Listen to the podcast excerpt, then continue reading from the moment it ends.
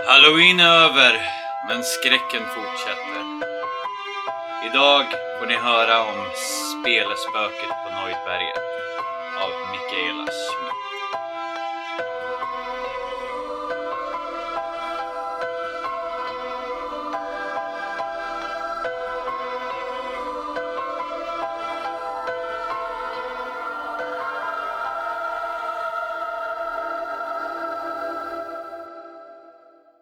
För länge sedan, närmare bestämt i mitten på 1800-talet, bestämde kronan att avvittra stora områden av obruten skogsmark i Norrland till förmån för nybyggen. Landets befolkning hade ökat och det behövdes fler jordbruk för att trygga livsmedelsproduktionen. Alltså ville kronan att befolkningen spred ut sig mer över landet och också att det startades fler jordbruk. Kronomarken, alltså den mark som tillhörde staten, i vissa delar av landet och då bland annat i Norrland, styckades därför upp och gavs till Hogde nybyggare mot att de uppfyllde vissa krav. Detta är vad som hände i en socken som låg alldeles på gränsen till lappmarken. 1864 stakades ett område på 6000 tunnland ut och delades upp mellan åtta nybyggare med ett kontrakt som löpte på 30 år.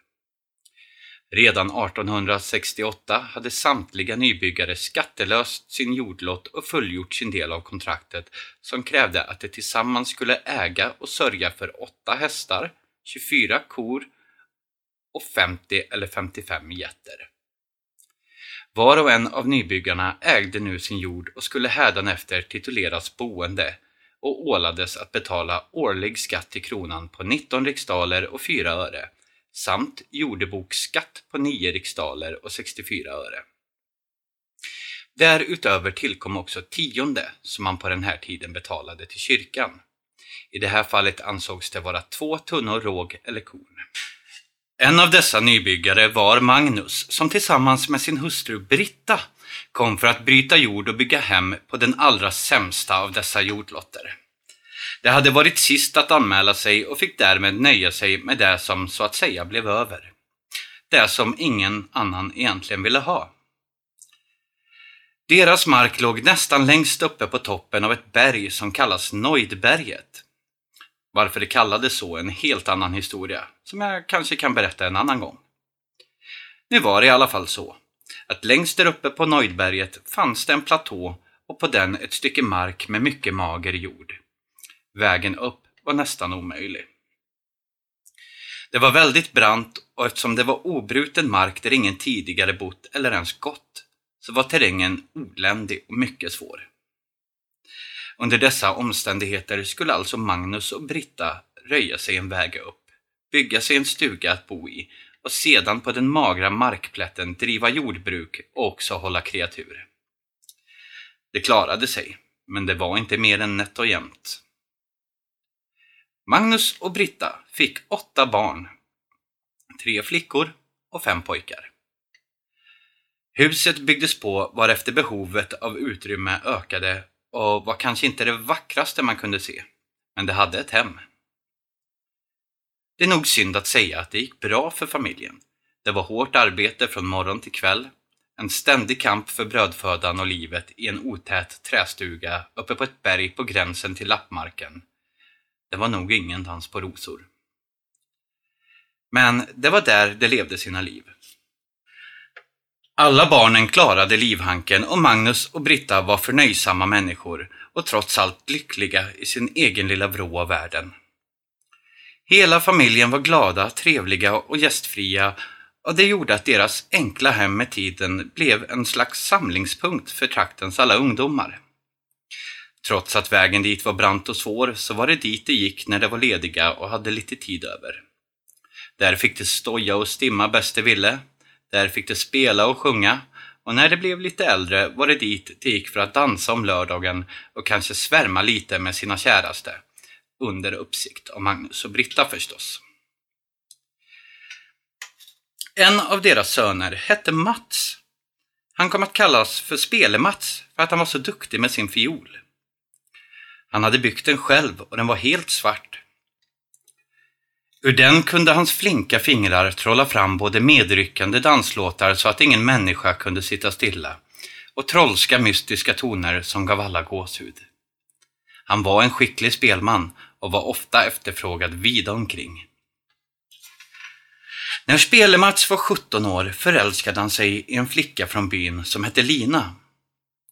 Lina var dotter till en av de andra nybyggarbönderna, men hennes familj hade det mycket bättre ställt.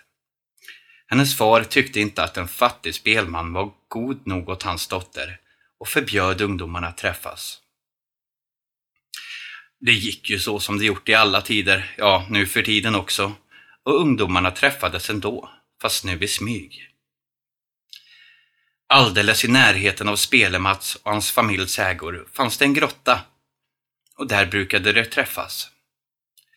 Grottan var inte så djup, men den var ganska bred och det var högt i tak, alldeles lagom för två personer att gömma sig i. Som brukligt var på den tiden sades det att grottan var ingången till Bergakungens rike. Klippväggen var porten och man måste alltid komma ihåg att knacka tre gånger på den, för annars kunde man överraska Bergakungen så att han blev ond och skickade ut sina hantlangare för att röva bort den. Då kom han aldrig mer tillbaka. Ungdomarna trodde inte på sådana gamla sagor förstås, åtminstone var det vad de sa till varandra. Men det var alltid noga med att komma ihåg att knacka varje gång de träffades sådär. Bara för säkerhets skull. Hela våren och sommaren passerade och de blev inte upptäckta.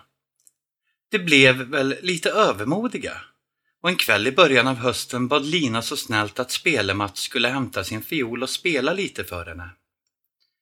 Spelemats gick med på det och skyndade hem för att hämta fiolen, men där undrade familjen vad han skulle med den till så här dags och det tog honom en liten stund att prata sig ur den knipan. När han väl kom tillbaka till grottan var Lina inte längre där och Spelemats greps genast av samvetskval och skräck. Han skulle inte ha lämnat henne ensam vid bergakungens port. Utom sig av förtvivlan sprang han hem efter en hacka och sedan sprang han tillbaka för att bryta sönder stenporten och frita sin lina. Hela natten stod han där i grottan och hackade och hackade till ingen nytta alls. Och när hans far, som vägletts av ljudet, slutligen fann honom där med hackan i hand lutade Spelemats pannan mot grottväggen och bekände alltihop. Hans far klappade honom vänligt på axeln och tog med honom hem och på vägen berättade han att Lina visst inte var borta. Hennes far hade till slut förstått vad som pågick mellan ungdomarna efter ett samtal med Linas syster och hade skyndat till grottan för att hämta sin dotter. Far menade väl och trodde nog att detta skulle lugna sonen, men istället fick det rakt motsatt verkan. I vredesmod slog Spelemat sönder sin fiol och lovade dyrt att aldrig spela mer. Sedan hämtade han familjens häst och for ut för berget för att göra upp med Linas far och återförenas med sin käraste. Hästen flög ner för berget med Spelemats på ryggen, men farten var vådlig och hästen snavade där det var som mest brant. Den stackars ynglingen föll av och bröt nacken och han dog långt innan hjälpen hann fram. Familjen och vännerna sörjde honom som sig bör, men livet måste trots allt gå vidare. Och det gjorde det också. Lina gifte sig med någon annan och Spelemats familj fortsatte sin strävan där uppe på Nöjdberget. Åren gick och barnen växte till och flyttade ut.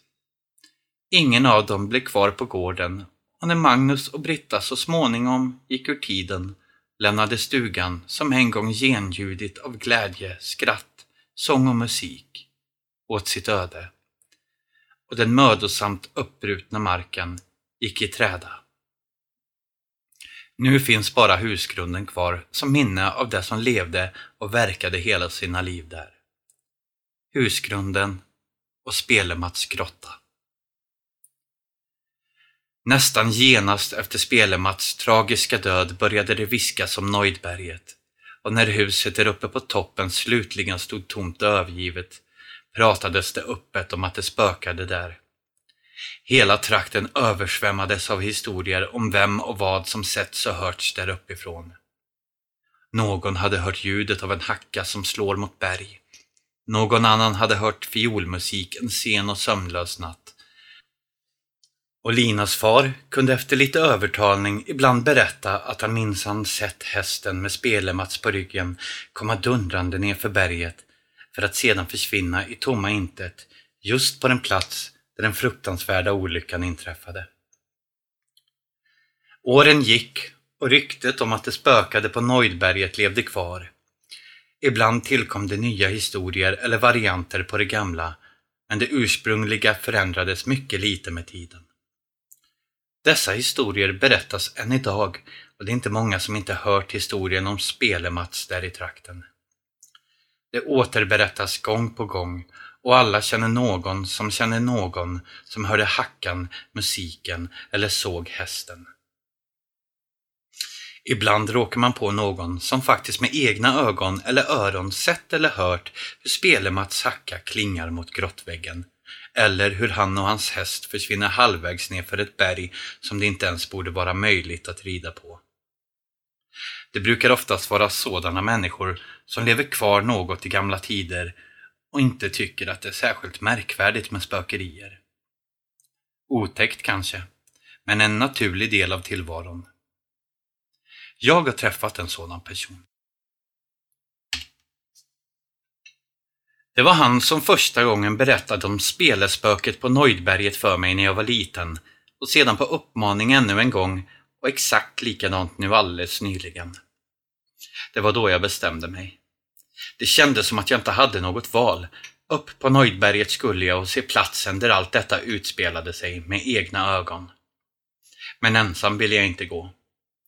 Inte för att jag var rädd, utan för att jag var osäker på vägen. Jag ville verkligen inte gå vilse.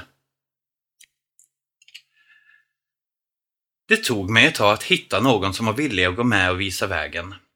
En del vågade inte, andra var för lata men de flesta hade helt enkelt inte tid eller hittade inte själva vägen riktigt. Till slut hade jag frågat och tjatat på alla så pass mycket att en gamle vän som jag först frågade motvilligt erbjöd sig att gå med upp om jag lovade att inte gnälla om vi gjorde det på dagen eftersom terrängen var så besvärlig. Jag blev en smula stött över att jag var tvungen att lova att inte gnälla. Jag är verkligen ingen gnällspik. Men jag lovade förstås och vi bestämde att gå redan nästa dag. Och det gjorde vi. Så här efteråt konstaterar jag att det nog var tur att jag fick sällskap till slut och inte försökte gå själv. För det fanns inte mycket kvar av den väg som Magnus och Britta en gång röjt. Det var knappt ens en stig längre. Det var stenigt och brant och det var omöjligt att se var hundratals fötter, hovar och klövar trampat så många gånger på den tiden det faktiskt fanns en väg, om man inte visste var man skulle titta.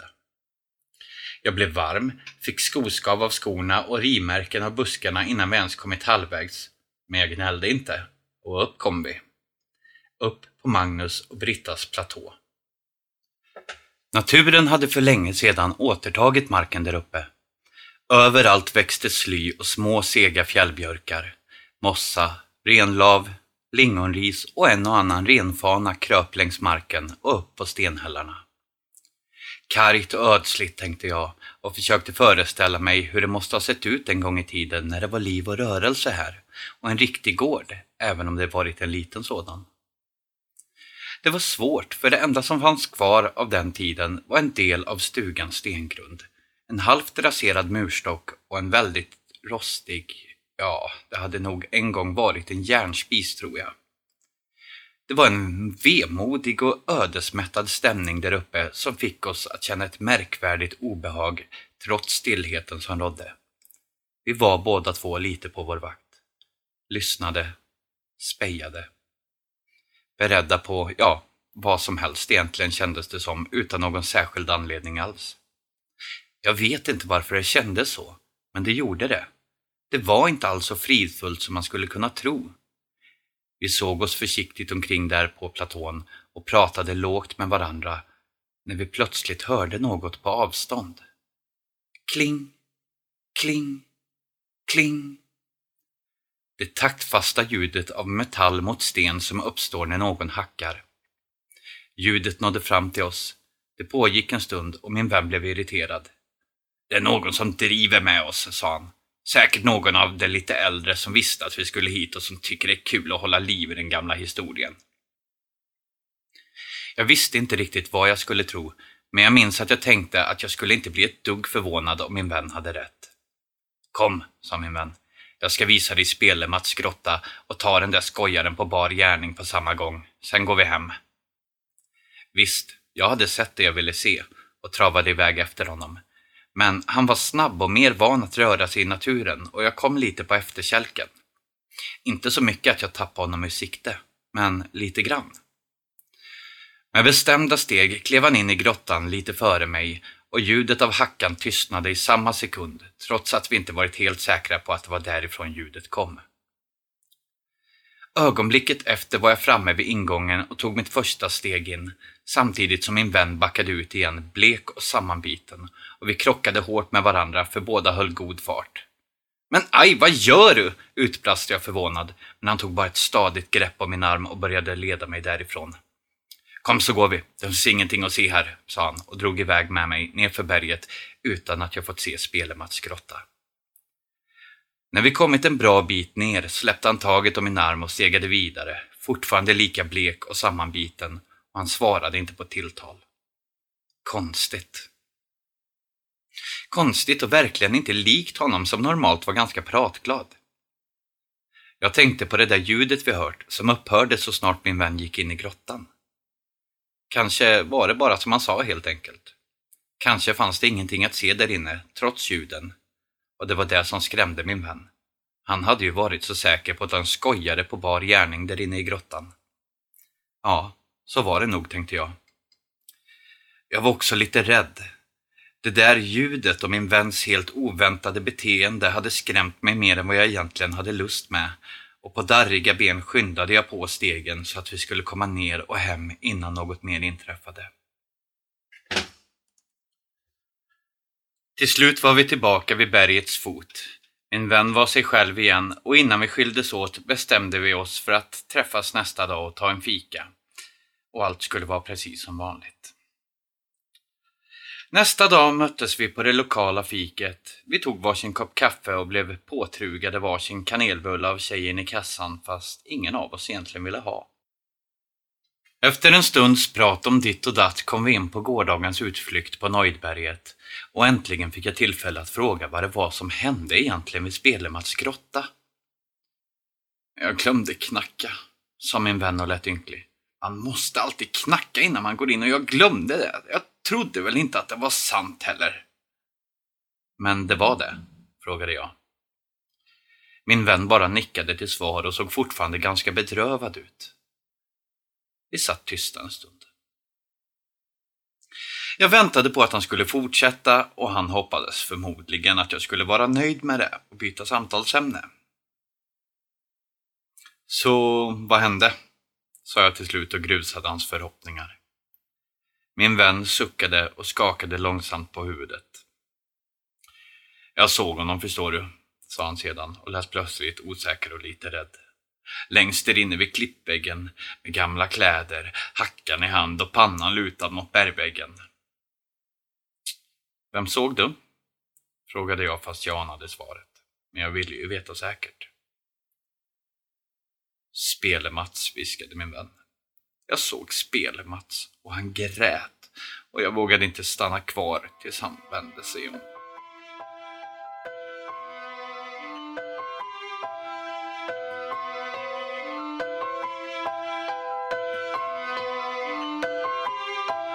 Tack för att ni har lyssnat på När mörkret faller.